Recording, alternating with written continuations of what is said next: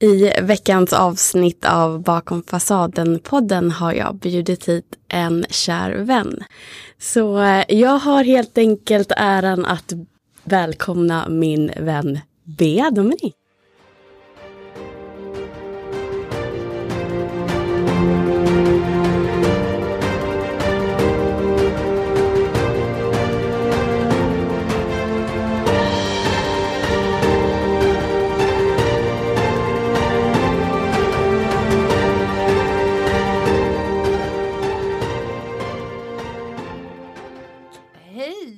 Fint att vara här. Välkommen till Stockholm. Ja, tack och din fina podd. Jag åt sol, Ja, det äntligen. är sol och det är härligt. Fint att vara här. Ja, och tanken är ju att vi idag ska egentligen hjälpa till att svara på frågor som många av poddens lyssnare har bidragit med. Men jag tänkte också att du ska berätta lite grann vad du jobbar med för att eh, du och din partner Theo driver ju bland annat eh, Training for Love. Ja, det stämmer. Och där hjälper ni folk som har en otrygg anknytning att tillsammans röra sig mot en trygg anknytning. Precis. Och det är därför du sitter här idag eftersom det här temat är eh, relationer mellan två otrygga anknytningar Ja. och då framförallt ambivalent och undvikande. Precis, exakt. Så det gör jag, jag är utbildad relationscoach men det började ju inte där. Mm. Det började ju med att jag eh, hade enormt svårt att ha hälsosamma relationer. Och upptäckte i vuxen ålder att jag är både medberoende och har otrygg anknytning. Och det är ingen lätt kombination med kärlek. Nej. Så att då bestämde jag mig för att ja, men det här behöver jag lösa. Det här, Jag vill eh, leva i kärlek i det, i det här livet. Så då så gav min sambo och jag mig ja, på att eh, vi skulle klura ut hur vi gör. Och så har vi tagit oss från medberoende till att vara fri från vårt medberoende idag och från otrygg till trygg anknytning. Och nu hjälper vi andra genom utbildningar och coachning och samtal och föreläsningar att kunna eh, göra samma resa om man vill. Exakt. Och jag minns verkligen när eh, du och jag åt middag och du berättade lite mer om din bakgrund att det var så här, men gud, jag med, jag med, ja, exakt, att jag kände igen mig så väldigt mycket i det. Eh, samtidigt som jag känner väl att du har hjälpt mig också att förstå att nyckeln till att ändå lyckas att göra det här tillsammans med sin partner är att båda måste vilja göra arbetet.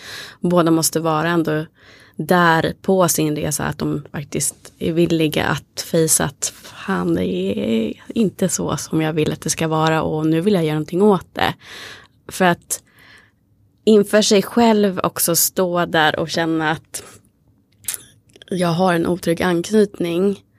Jag tror både du och jag är exempel på det och många som jag har pratat med att man känner sig ändå någonstans lite misslyckad även om man inte är det så är det första känslan när man inser att det är faktiskt inte fel på alla andra utan det är fel på min anknytning och det ligger hos mig. Ja, men för mig var det sådär, för mig var det en sån lättnad att fatta att det var anknytningen och Ja. medberoende det handlade om. För att jag var så här, vad är det som inte funkar? Varför fungerar det inte? Varför är det krångligt och jobbigt och svårt och dramatiskt och liksom så i mina relationer så att när, när liksom hela teorin, liksom medberoendet hade jag lite koll på men jag förstod inte djupet av mitt medberoende och hur det påverkade mig. Jag sa lite så här lättsamt, så här, ja men jag är medberoende. Och så var det inte så, jag förstod inte vad det egentligen var. Och sen när jag lärde mig det och sen med anknytning så var det som att det öppnades liksom en portal för mig. Så här, Jaha, ja men vänta, nu, ja, ja, ja, nu förstår jag. Ja, då kan jag ju faktiskt lära mig.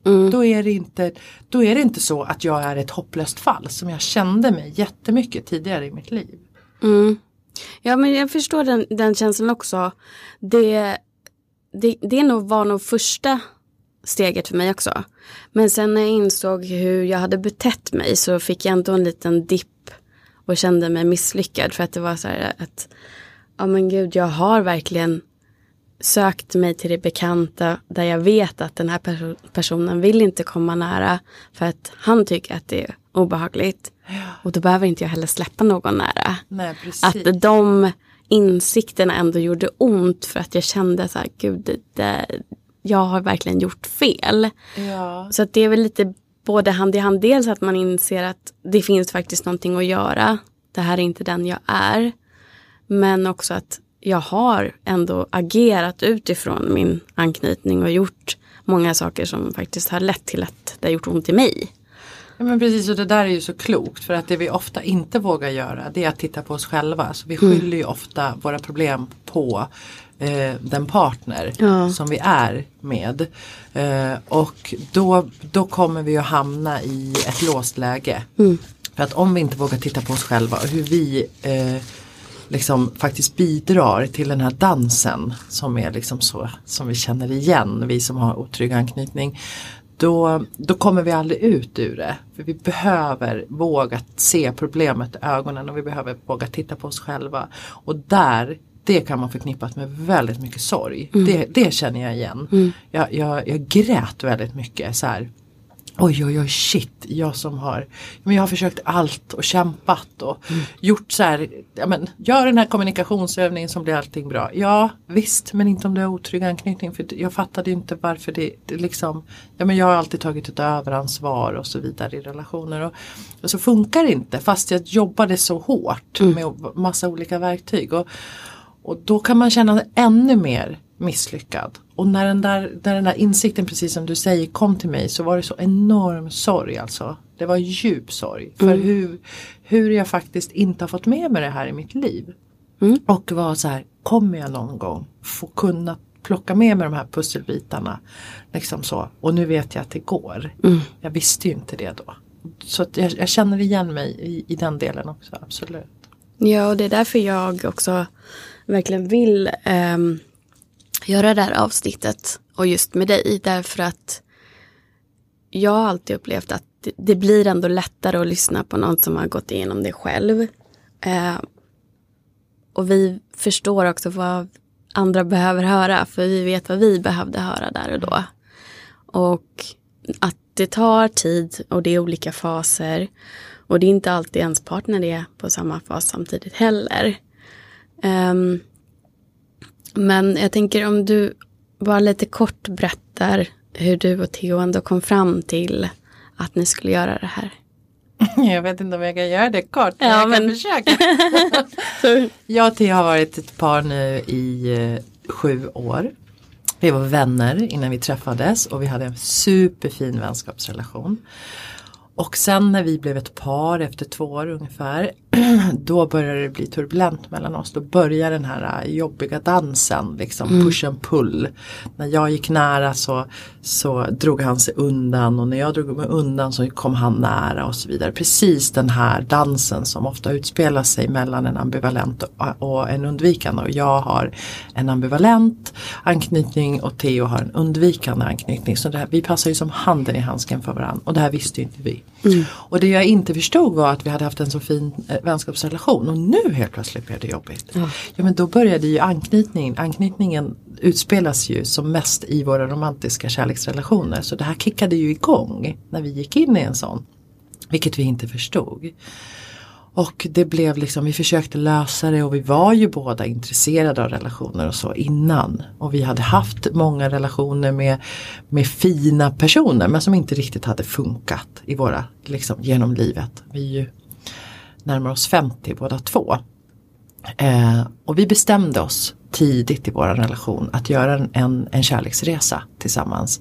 Där vi bestämde oss här, ja men nu, du är, en, du är en schysst kille, ja men du är en schysst tjej Bea. ja men bra, ska vi klura ut det här tillsammans då? Och sen så gjorde vi ett åtagande, så, det, så startade våran relation.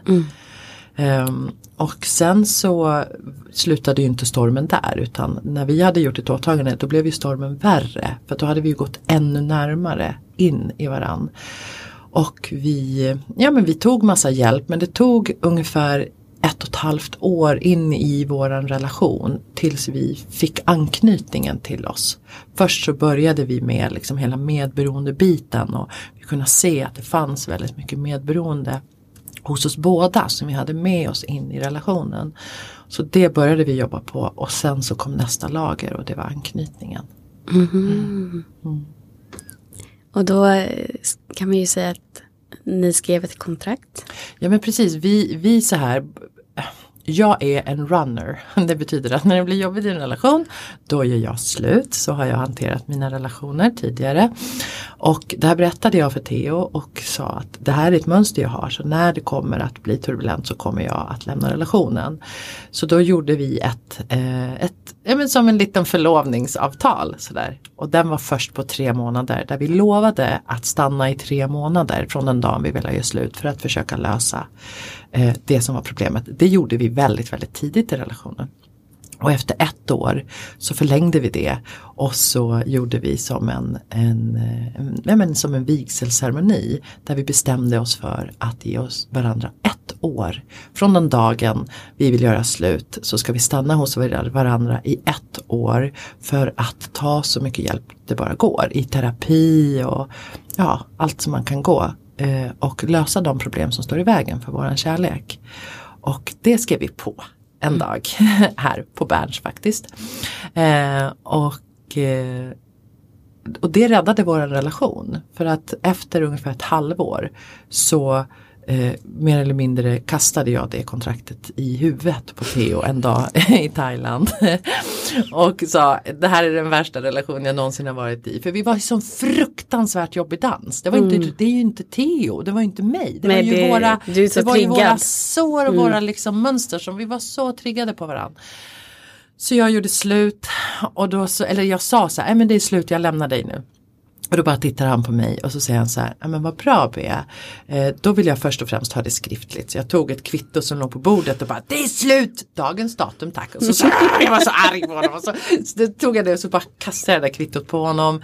Och så säger han bara, tittar han på mig och så säger han så här, bra älskling, då har vi ett år på oss att lösa det som nu står i vägen för våran kärlek. Och där började våran kärleks, djupa kärleksresa. Mm.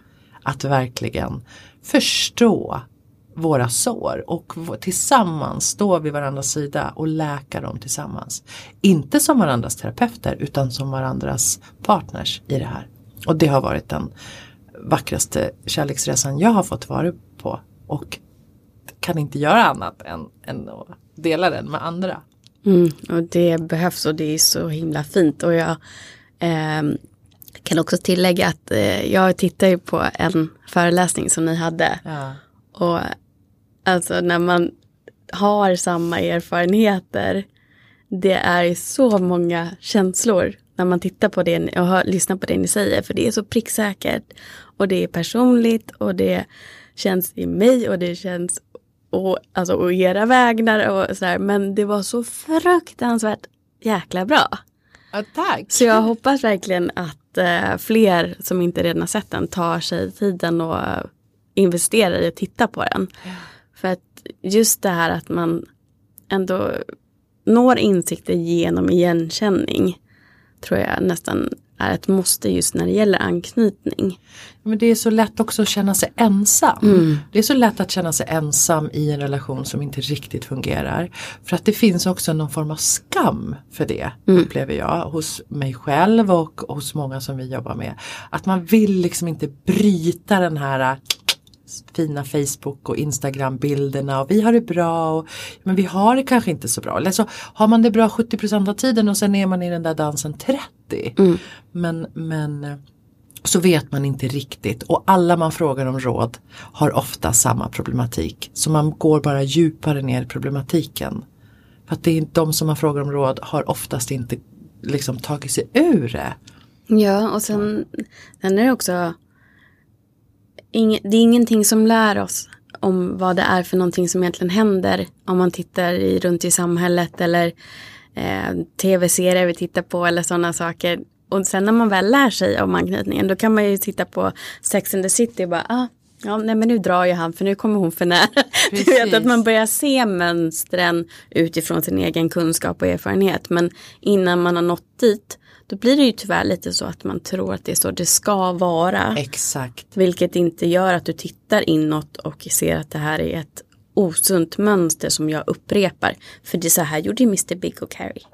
Ja, Exakt, och det är ju det här, vi blir ju speglade. För att de som har gjort de här serierna har ju också Oh. många otrygga Mm. anknytning. Så det är det enda vi- de vet om kärlek också. Ja. Så deras liksom, så det här möts vi ju hela tiden. Jag är ju född eh, på 70-talet så jag växte upp med tjejtidningar som hette Stalet och Mitt livs novell. Mm. Ja, och det blev min relationsutbildning. Mm, Det var det jag kom ut som en förvirrad tonåring ut i liksom, jaha nu ska vi ha kärleksrelationer också.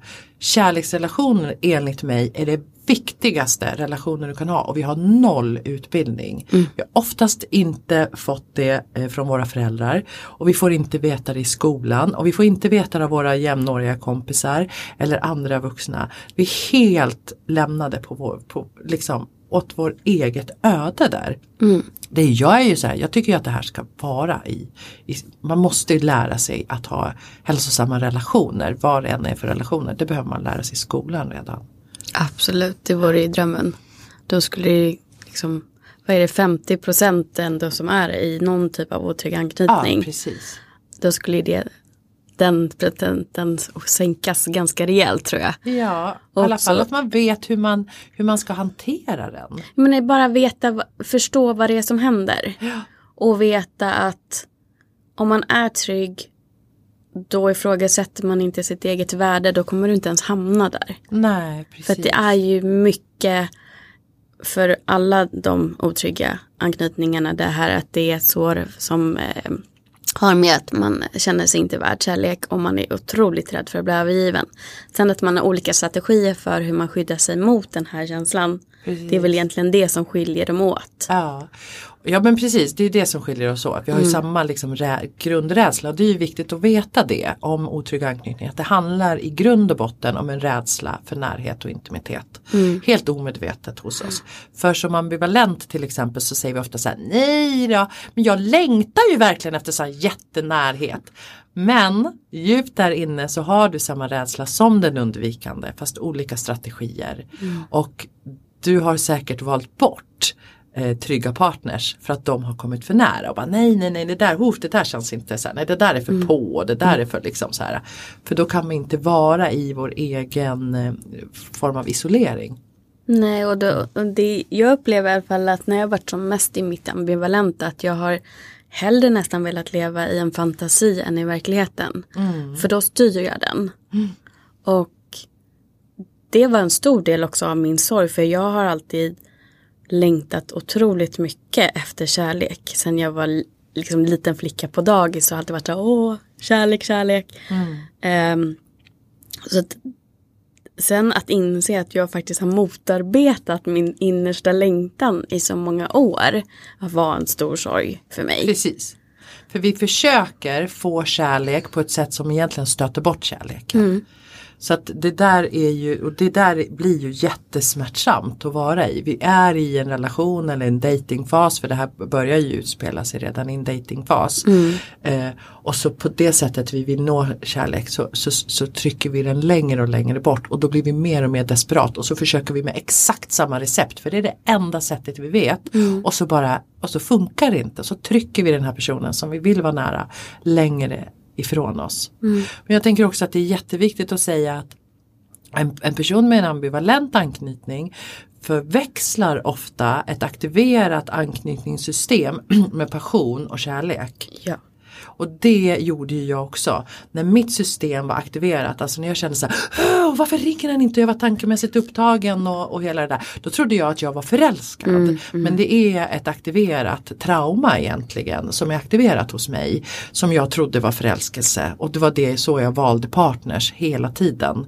Och det var ju en kompis till mig i Danmark som bara så här, hörru du Bea, det där eh, mönstret som du håller på med i dina dating liksom, situationer. Jag känner igen det liksom, genom åren för dig. Liksom, känner inte du igen det? Att när de liksom inte riktigt blir intresserade då kan inte du göra någonting annat än att bara ja, jag vill måste ha den här killen. Han är liksom allt, mitt allt. Då vaknar jag upp för, för det mönstret att så här, shit, det kanske inte är förälskelse. Och det var ju bara som att dra upp en rullgardin och se det mönstret från när jag var liksom 15 år och vidare genom livet. Ja, gud ja. För att jag... tänkte väldigt mycket på det också när jag var i den fasen av läkningen förra året. Att, men en, en snabb tanke blir så här, ja ah, fast jag har aldrig träffat någon som är trygg. Eh, eller? är det inte alla de här snälla killarna som jag aldrig riktigt har tyckt att jag känner någonting för? Ja. För de har ju funnits runt omkring mig, de har varit intresserade och någon kanske har gått på dejt med någon gång för att ja, men han, han är väl snäll.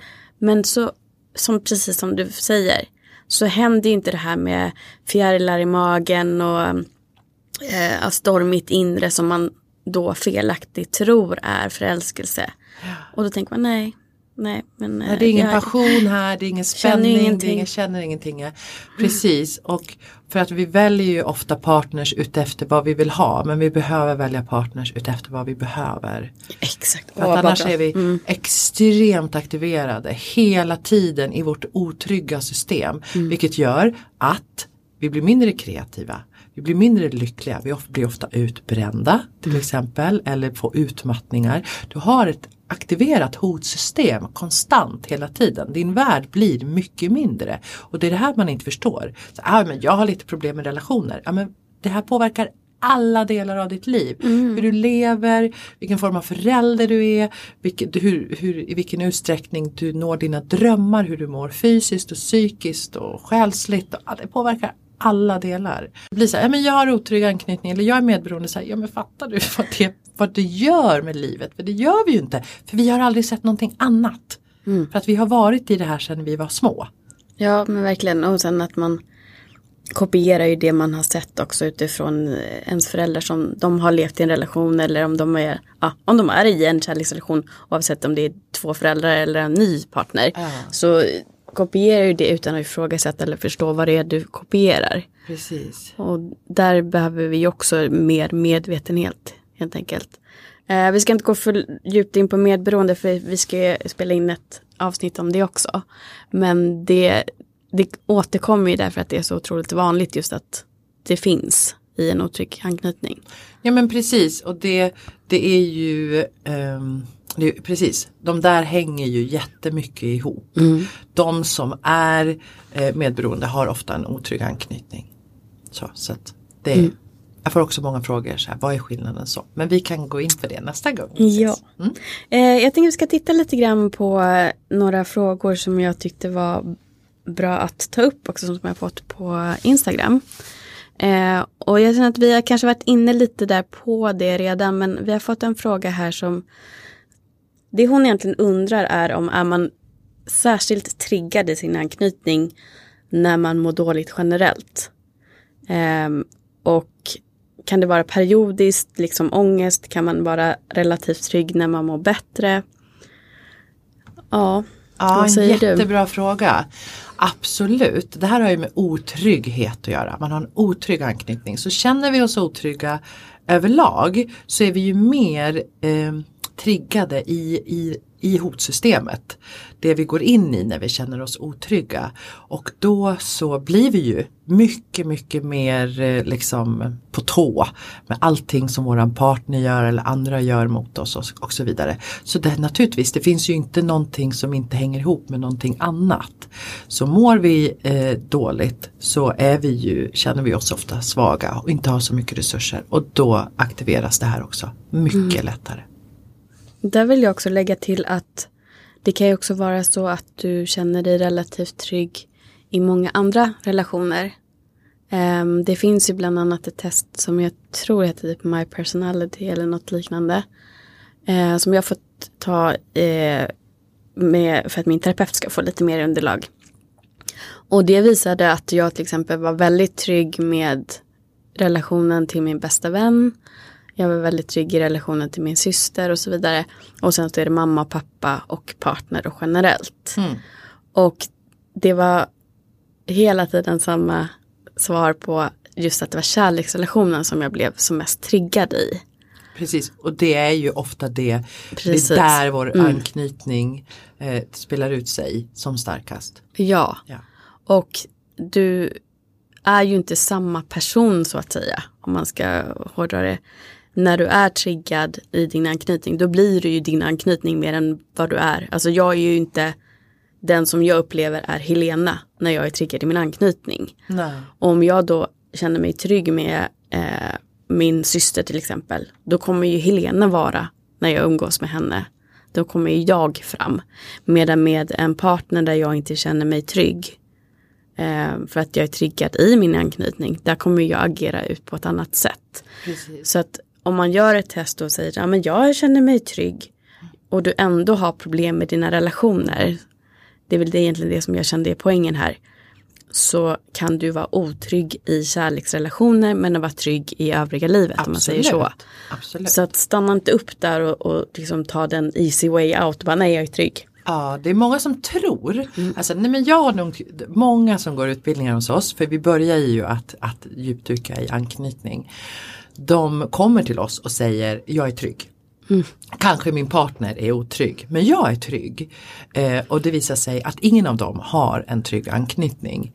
Eh, för att de som har en trygg anknytning, de, det är väldigt få av dem som kommer till oss. Så där kan det också vara kanske lite att man är i den fasen att man förstår mycket intellektuellt men man har inte riktigt vågat ta sig till det. Precis, och du kan vara en trygg person men, men har otrygga mönster i, i kärlek. Det, det, det är precis som du säger, det är jätteviktigt att förstå att det är skillnad. Jättebra. Ehm, sen nästa fråga är hur kan ambivalent och undvikande bråka bättre? Eh, I processen mot trygghet, båda vill jobba på det, kommer det här beteende slash mönstren komma fram? Har ni en lösning på hur det kan vara att lära oss att bråka bättre? Ja. Vilka bra frågor. Alltså just då vill jag säga så här, konflikter är hälsosamt för relationen. Det är ju liksom så här, nej men vi bråkar inte. Nej men då, ni har sopat allting under mattan i flera år för att ni vågar kanske inte bråka.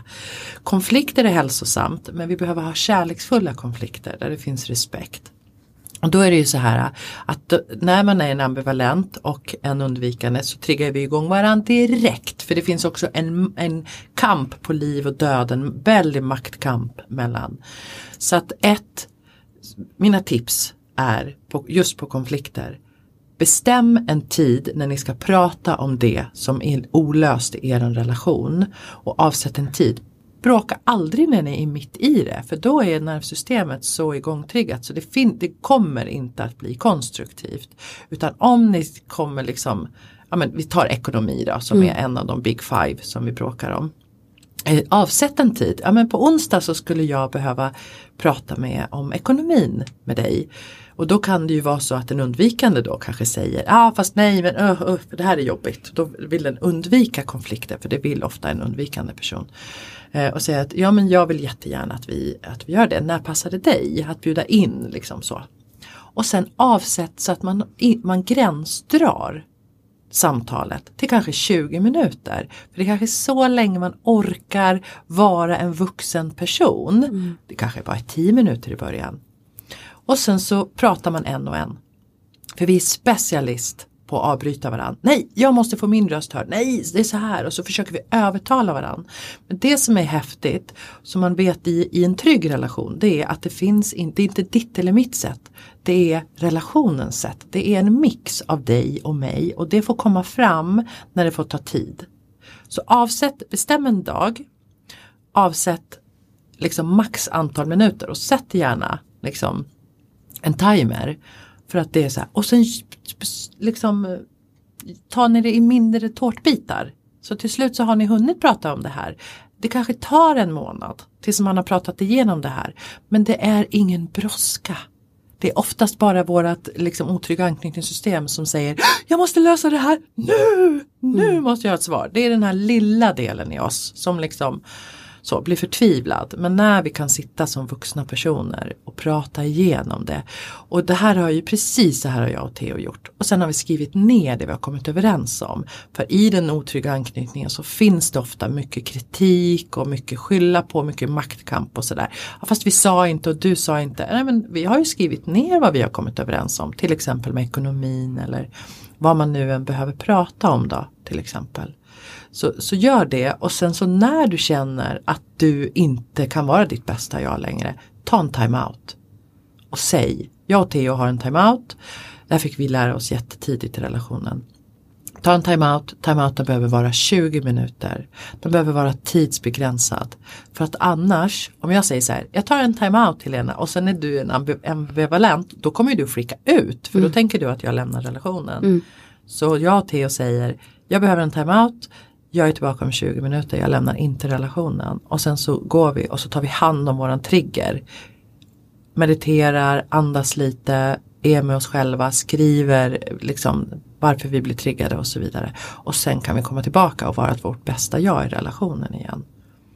Så är, är liksom de här allmänna konflikterna. Och sen kan vi hamna i konflikter av att den ambivalenta inte tycker att den undvikande bryr sig. Mm. Det här är ju den vanligaste konflikten. Mm. Men du bryr dig inte, du vill aldrig prata, liksom vi blir så triggade. Och här behöver vi lära oss att eh, prata i jag-form. Jag längtar efter dig istället för du bryr dig aldrig. Mm. Jag längtar efter att vi ska vara tillsammans. Ja men vi var ju tillsammans i förra veckan.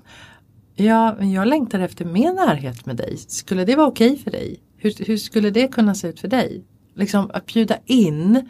För vi är oftast så är, om vi är ambivalenta som jag utgår ifrån mig själv så blir vi väldigt kritiska. Du ska alltid vara med din telefon. Du tittar ju alltid på TV. Aha, är det något spännande du tittar på? Eller? Förstår du? Vi liksom håller på. Mm. Och det är det jag menar att vi vill ha kärlek men vårt sätt att göra det gör att vi trycker bort våran partner istället.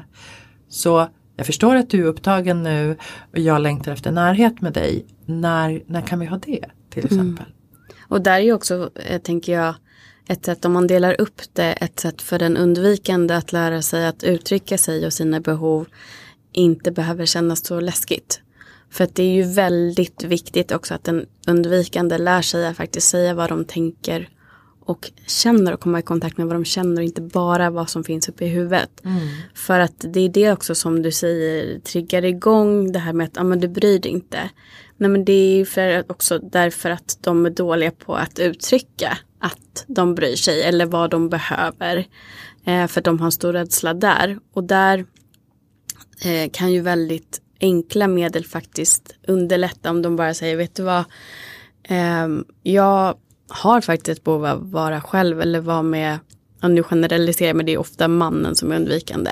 Att mannen kanske känner att ja, men jag behöver faktiskt göra någonting på egen hand den här helgen.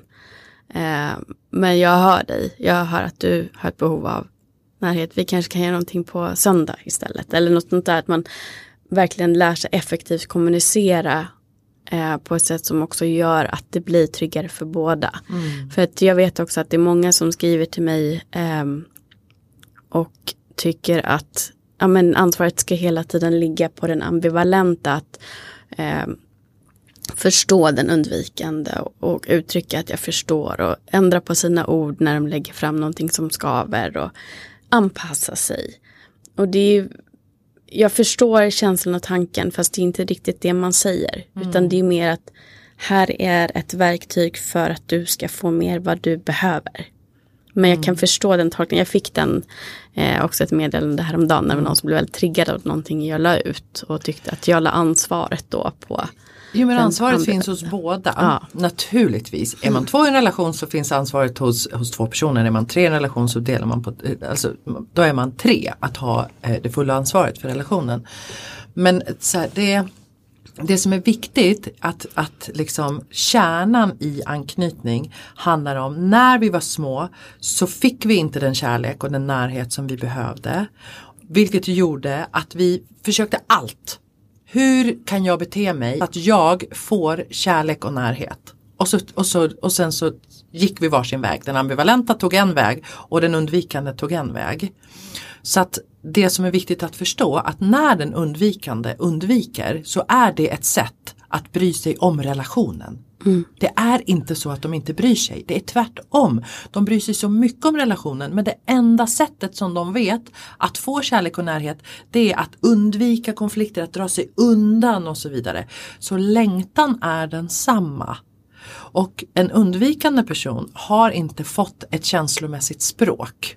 Så att det är jättelätt att säga så här, ja men vadå, hur, vad känner du?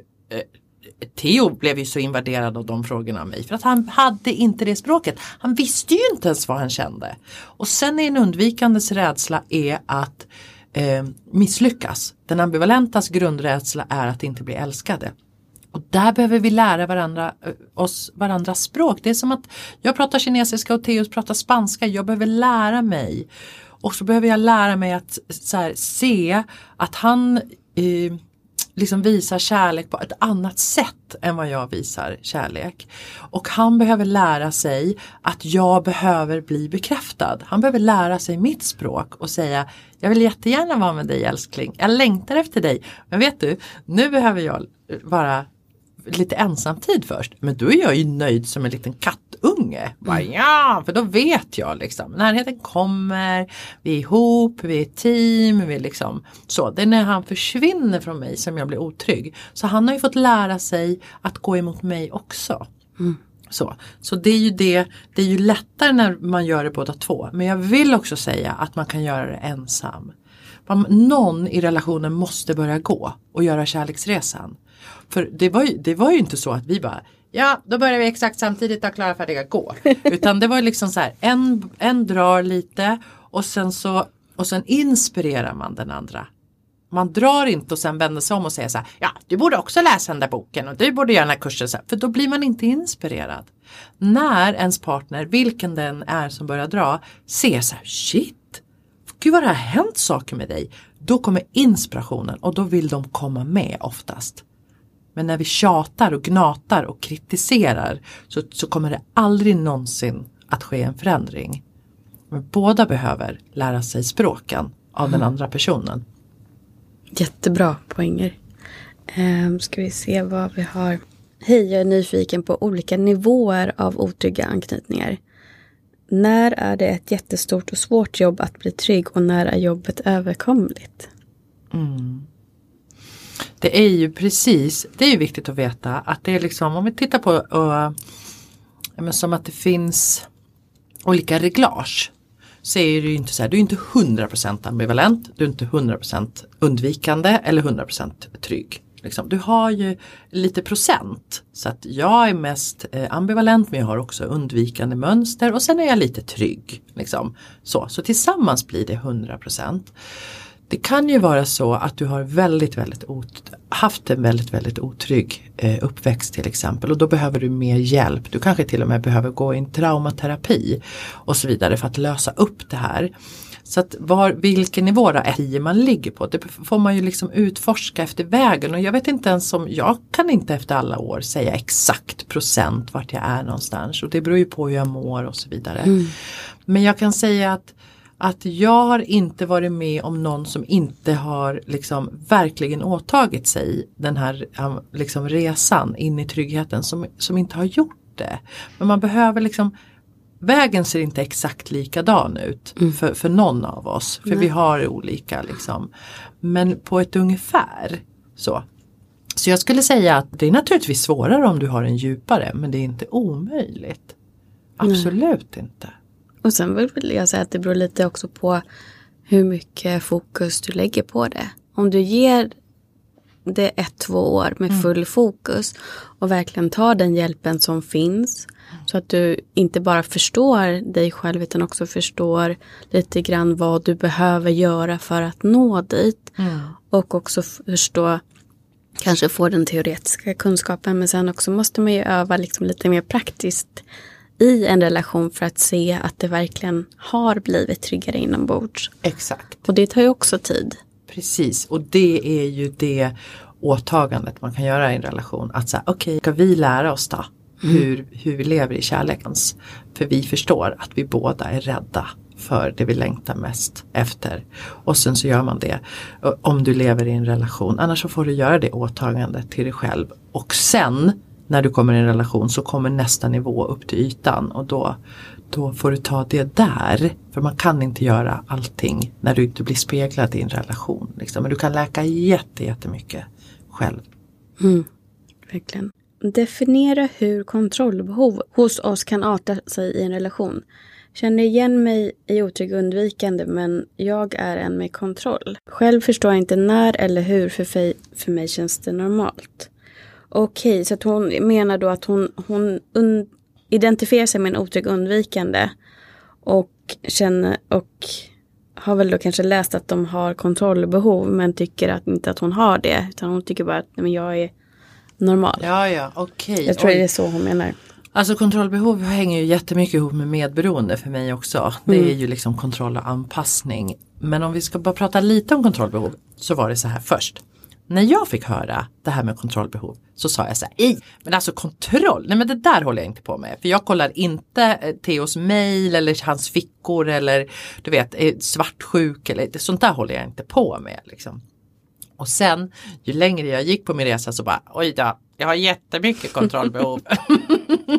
och det innebär att jag kontrollerar personer, situationer och mig själv. Så att, så att om vi tittar på hur man kan kontrollera en person eh, eller en situation då. Om vi vore flera i det här rummet och jag har ett kontrollbehov så kan jag styra konversationen att den inte kommer in på ämnen som jag inte vill. Genom att så fort det börjar bränna så välja ett annat spår. Till exempel. Ja, nej men gud, min, eh, ja titta där kommer ju den personen så här, avleda. Det är en form av kontroll som jag inte fattade var kontroll, som jag höll på med jättemycket. Eh, att kontrollera hur nära en person får komma dig hela tiden. Att eh, mm, ha min kalender full. Det är en form av kontroll av att nej men då kan inte du komma så nära mig. Eh, eller till exempel att jag har alltid använt min humor och den här clownen som bor i mig som en del av kontroll så blev det liksom lite spänt i ett rum eller hemma då i min uppväxt. Då började jag sjunga och dansa och dra en rolig historia. Kolla här! Och så tog jag all uppmärksamhet så att jag skulle liksom mm, ja, men kontrollera situationen genom min humor och det där tog lång tid innan jag såg att det var kontroll. Ehm, kontroll kan också vara att inte ha några behov. Nej, nej, nej men det är inga problem. För att då kontrollerar jag att det inte blir eh, liksom kris och, kris och katastrof i mina relationer. Eller kontroll av mig själv, till exempel mm, men hur jag klär mig, hur jag pratar, hur jag ska vara, vad jag säger och så vidare. Att jag hela tiden är genomtänkt i, så här, nej så där borde jag inte ha sagt och så att jag kontrollerar mig själv så det finns kontroll på olika nivåer. Och det här eh, kan man börja skriva ner vad man ser att man gör. Så här, hur, hur ser min kontroll ut? För att vi alla har någon form av av kontroll. Så att, att börja lära känna sin egen kontroll, för den är väldigt eh, förknippad med, jag brukar säga att det hör väldigt mycket ihop med ett medberoende också. Och där kan man också observera hur man beter sig på jobbet till exempel. Är det så att du har svårt att delegera för att du hellre gör det själv så att du vet att det blir gjort på ditt sätt. Då är det ju ganska troligt att du kanske lägger dig i hur man eh, sätter in disken i di- diskmaskinen hemma Exakt. också. Precis, eller om man bara så här vi lever i en relation, vi ska köpa en ny soffa. Jag vill ha en grön och jag vet att du vill ha en röd. Hur kontrollerar jag så att det blir den gröna? Alltså vi håller på med massa manipulationstekniker. Det är också kontroll. Det här är en fråga från en ambivalent gällande de undvikande. Hur får man dem att committa eller ta nästa steg gällande fam- familj, flytta ihop och så vidare? Det här skulle nästan Theo ha svarat på. Vi ringer upp Theo. Vi ringer upp Theo, hej Theo. Alltså det här kan ju vara en jättedans därför att när vi vill gå närmare då, vi, då menar jag ambivalenta, vill gå närmare den undvikande så eh, går ju de ofta ett steg bak. De är väldigt svårt för det här. Men det jag tänker på är att först, det vi behöver göra, vilken anknytning vi än har, så behöver vi först lära oss våra egna mönster. Hur dansar jag dansen med min partner? Därför att när jag tar ett steg framåt, då tar ett- personen ett steg bakåt. Men om jag, jag kan göra det på ett annat sätt, vilket jag kan bara vara helt ärlig och säga så här, jag längtar efter en familj i mitt liv. Jag längtar efter barn. Eh, och jag skulle vilja prata med dig någon gång om vart du står i den frågan. Jaha, säger den undvikande. Nej, nej men jag har inte tid då, inte nu och så. Nej, jag hör att du är upptagen, så när skulle det passa dig att vi pratar om det här i relationen? Och så verkligen liksom vi kan vara mjuka och inbjudande eh, i det. För vi kan aldrig någonsin få dem, för det skulle vara kontroll att liksom kroka på. För det här håller vi ju också ofta på med. att Bara jag är lite sexigare, lite roligare, lite det och det och det, det då kommer han vilja skaffa barn med mig, flytta ihop, gifta sig eller, eller hur det ännu är. Det handlar aldrig om det. Du kan vara liksom den snyggaste, den klokaste, den allt. Det, det handlar aldrig om dig. Det är jätteviktigt. Det handlar om det anknytningsåret. Men att våga prata om det och säga liksom det känns som att du inte vill, kan det, kan det stämma? Att du känner, ah, men jag tycker inte att det är viktigt. Så. Nej men för mig är det viktigt att, inte att vi gör det, men att jag får leva ett liv där det faktiskt är så utan hot. Utan så här, stå upp för sina egna behov på ett mjukt sätt. För det är inte lika skrämmande som när vi kommer med kritik och så. För då är det lite lättare. För kom ihåg att den här personen är otrygg. Hur kan du skapa trygghet när du pratar om känsliga ämnen? Mm. Det är liksom, den här personen behöver trygghet precis lika mycket som du. Hur gör ni det i relationen? Mm. Mm. Och om det är någon som eh, inte är i en relation men ska försöka ja, börja dejta eller någonting. Då skulle jag också vilja att om du känner igen dig att du har dejtat många otrygga och tyckt att det hamnar hela tiden på att jag inte får vad jag vill och den personen försvinner, ghostar eller vad det nu kan vara. Um, så skulle jag vilja rekommendera någonting som jag har lärt mig den hårda vägen. Att ta reda på först vad är dina grundbehov? Vad kan du inte vara utan i relation? Och sen vara så fort som möjligt väldigt öppen och tydlig med att det här vill jag ha. Om det är så att du är en kvinna eh, som inte har barn men vill ha barn. Om du inte uttrycker det i början av en relation och sen går in i en relation med till exempel då en undvikande och inte vågar ta upp det för att du tror att han kommer försvinna och dra sig undan för att du har märkt att han drar sig undan om du tar upp så kallade svåra ämnen. Eh, då kan det ju också bli att tiden bara går och sen så blir du bitter för att du upplever att du inte får det. Men du har inte ens uttryckt ditt behov. Exakt. Och det här gör vi ju inte för att vi ska hooka dem. Nej. Vi, vi, vi håller tillbaka. Ibland kanske mm. vi inte ens vet våra behov. Precis. Utan vi liksom säger nej, nej, nej, oh, den där, bara jag får vara med den där mm, personen, mm, mm. Då, då är det allting. Mm. Liksom. Så det där är jätteviktigt. Ja. Att först, vad är det för form av relation? Inte vad jag vill ha utan vad jag behöver. Ja, så att man vet det själv för att annars kan man inte uttrycka det. Nu tog jag ett exempel som inte var personligt, jag vill inte ha barn. Men, men eh, jag tänker bara att för de som vill det så, så tror jag, eller oavsett vilket behov det är, någonting som du känner att du inte vill vara utan. Att försöka vara tydlig med det så fort som möjligt bara för att det inte ska hamna i den här dansen när man eh, den ena drar och den andra eh, liksom jagar. Och så går tiden för att kommunikationen är helt enkelt alldeles Precis. för dålig.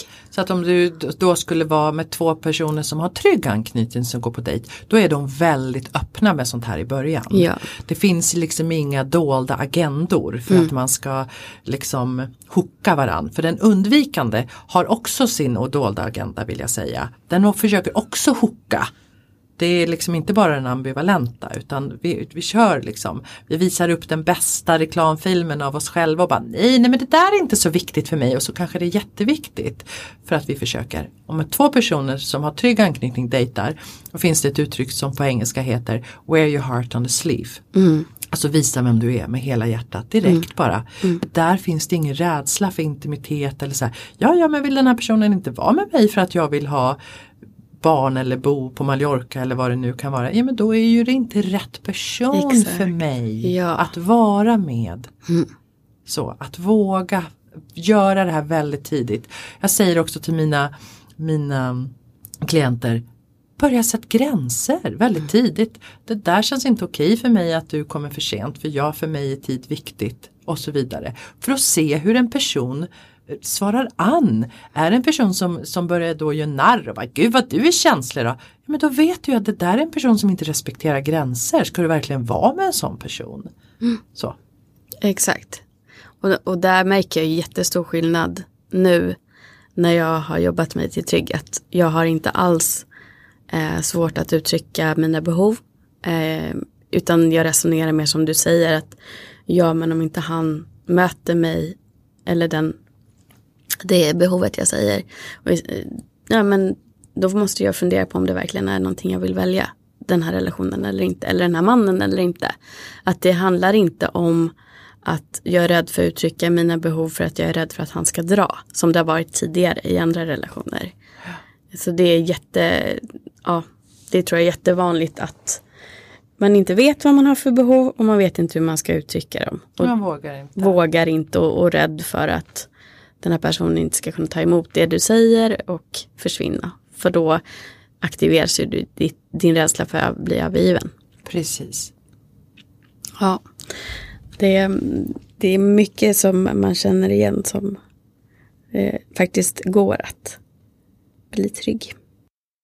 En person som har skrivit lite långt här, men jag tror att hon har varit i en relation. Hon är ambivalent och hennes eh, ex-kille är undvikande och nu håller de på att eh, prata om att försöka igen och hon är rädd att de då ska hamna i en för evig ambivalent slash undvikande fälla. Eh, och hon känner att är det ens värt att försöka igen? Så du har, om vi, det här har vi ju mm, precis det här, vad ja. är behovet? Det var en kvinna va? Mm. Eh, vad har du för behov? I den här relationen. Om ditt behov är att inte ni ska hålla på med den här dansen, så vilka då krav berättar du då? Så här, ja, jag är intresserad, jag älskar dig, jag vill gärna vara i en relation med dig. Men om vi ska vara i en relation så behöver jag att ett, vi går en utbildning, två, vi läser den där boken, vi går i samtal, vi reder ut det här. För jag orkar inte lägga x procent av min livsenergi att dansa en ambivalent och undvikande dans. Den vill jag göra annat annat härligt roligt med i relationen. Det kan ju till exempel vara, vi har så många par som kommer till oss i början av deras relationer. För att säga, åh, vi vill inte göra fel den här gången. Mm. Eh, lär oss hur vi ska göra från början. Eh, och så får man lära sig det och där finns det ju en öppning. Men att inte kanske gå in i de gamla eh, så, våga, våga uttrycka de här behoven och, och, och stå i dem. Så att inte när, när den andra partnern, oavsett om det är en ambivalent eller anknytande, säger nej men vadå, gud vad du är löjligt, nej men sånt där, nej, nej, men, nej men okej då. Och sen är man där igen i den här dansen. Hur många procent av din livsenergi vill du lägga på din relation? En hälsosam relation ger alltid mer livsenergi. Den, du, den får dig att, att få mer energi, inte mindre energi. Den dränerar dig inte.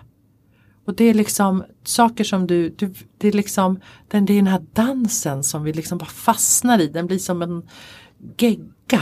Vi vill mm. inte stampa omkring där. Vi vill göra det vi vill göra i livet. Och vara passionerade och roliga och, och liksom glada och lekfulla och kreativa. Och leka med det här livet. Vi vill inte hålla på och dansa i gyttjan med varandra. Mm. Så kommunikation och vara öppen för att faktiskt jobba på relationen båda två lika mycket. Precis. Och att hon säger mm. det här behöver jag. Jag behöver att om vi går in i, ska gå in i en relation så behöver jag att vi först X går den här utbildningen till exempel. Mm. Och så, och så börjar man där och inte så här, ja ja men oh absolut och sen går man in i en relation och så händer det inte. Mm. Utan så här, nej, då ska vi göra det från början. Bra, ja, första steget är att vi anmäler oss eller går mm. till, en, till en terapeut eller coach. Vi, vi börjar vår relation där den här gången. Så att man gör det på ett annorlunda sätt. Mm. För det vi ofta försöker är att vi försöker med samma recept bara hårdare och mer och mer och mer. Fast vi vet inte hur vi ska komma ut ur det här därför att vi vi har aldrig sett eh, det, det, andra receptet. Så vi behöver gå till någon utomstående där vi får ett nytt recept som vi kan prova på relationen. Mm. Och så gör det. Jag skulle vara stenhård med det. Jag är inte intresserad. Det är inte värt det.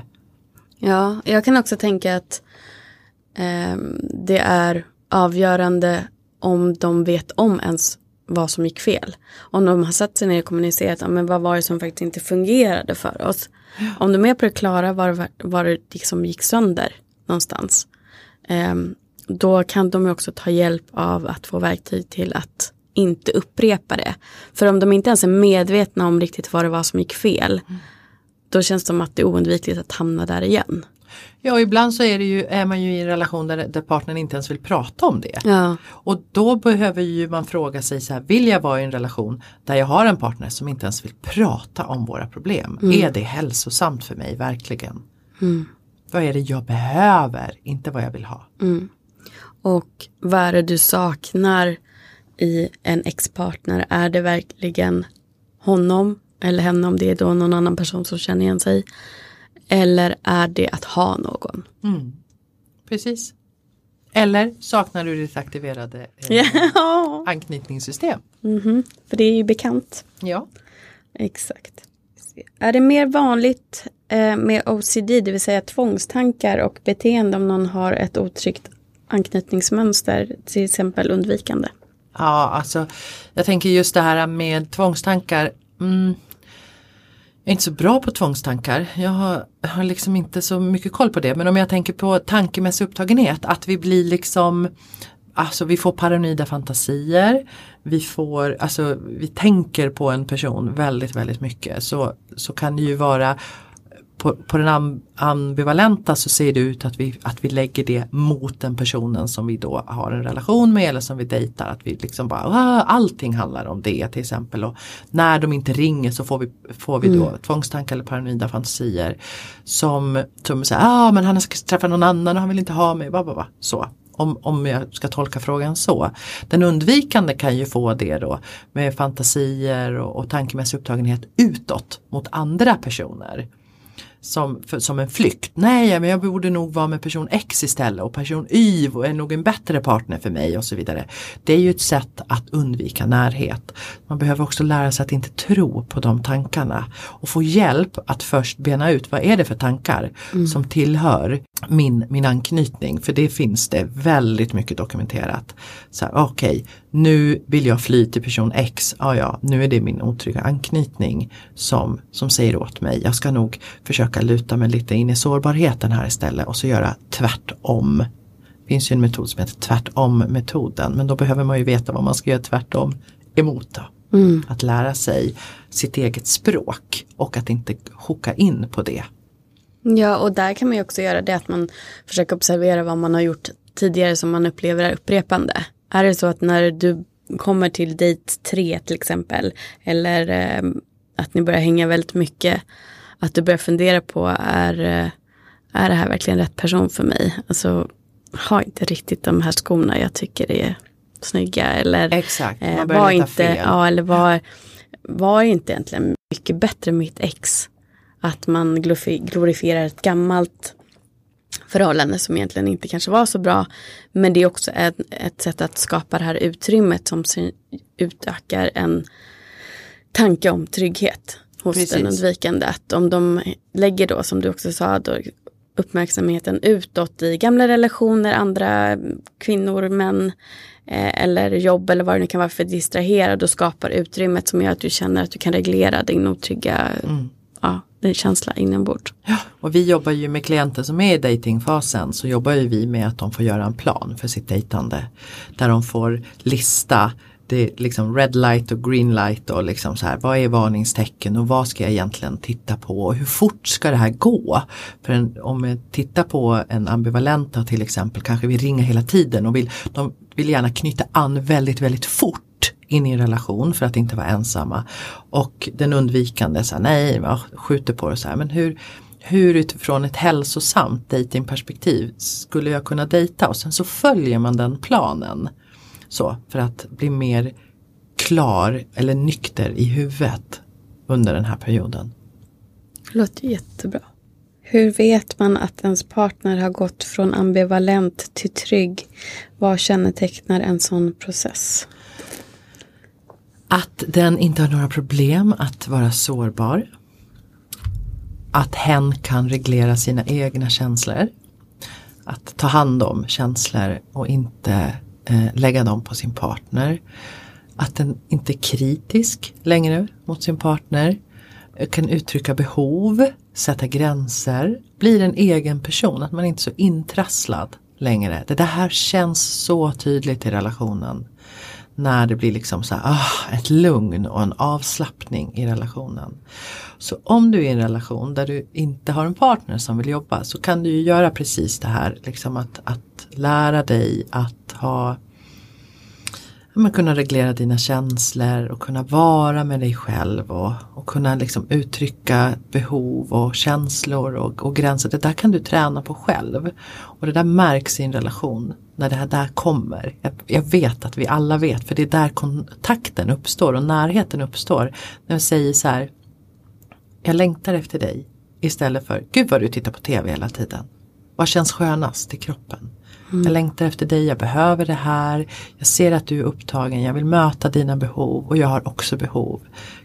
Kan vi prata om det här? Det, det är ett sätt som en trygg person pratar på. Mm. Jag, jag, tror att om man är i en relation där när någon partner då som eh, hon som hade skrivit frågan uttryckte det, hon skrev lite runt omkring. Eh, om, om du, känner, du känner ju faktiskt också på energin hos en människa, ja. upplever jag att om en person är väldigt triggad i det ambivalenta så upplevs det ganska som ängsligt, nervöst. Eh, någon som är trygg ger ju en helt annan energi, ett lugn, en harmoni.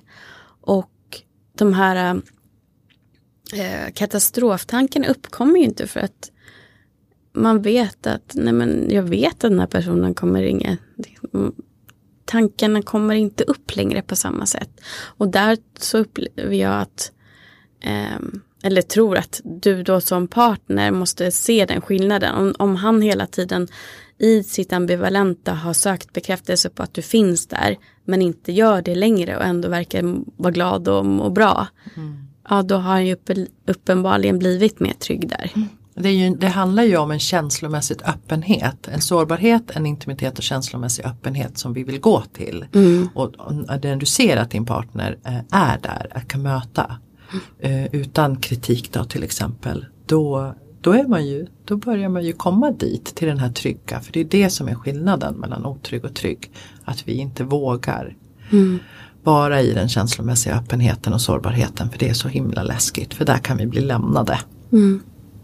Och där när, när, i alla fall när jag kände att jag blev trygg var att jag kände mig inte längre rädd för att bli lämnad för jag visste att lämnar den här personen mig eller lämnar jag honom då är inte vi rädd, rätt för varandra. Men jag kommer hela tiden ha mig själv.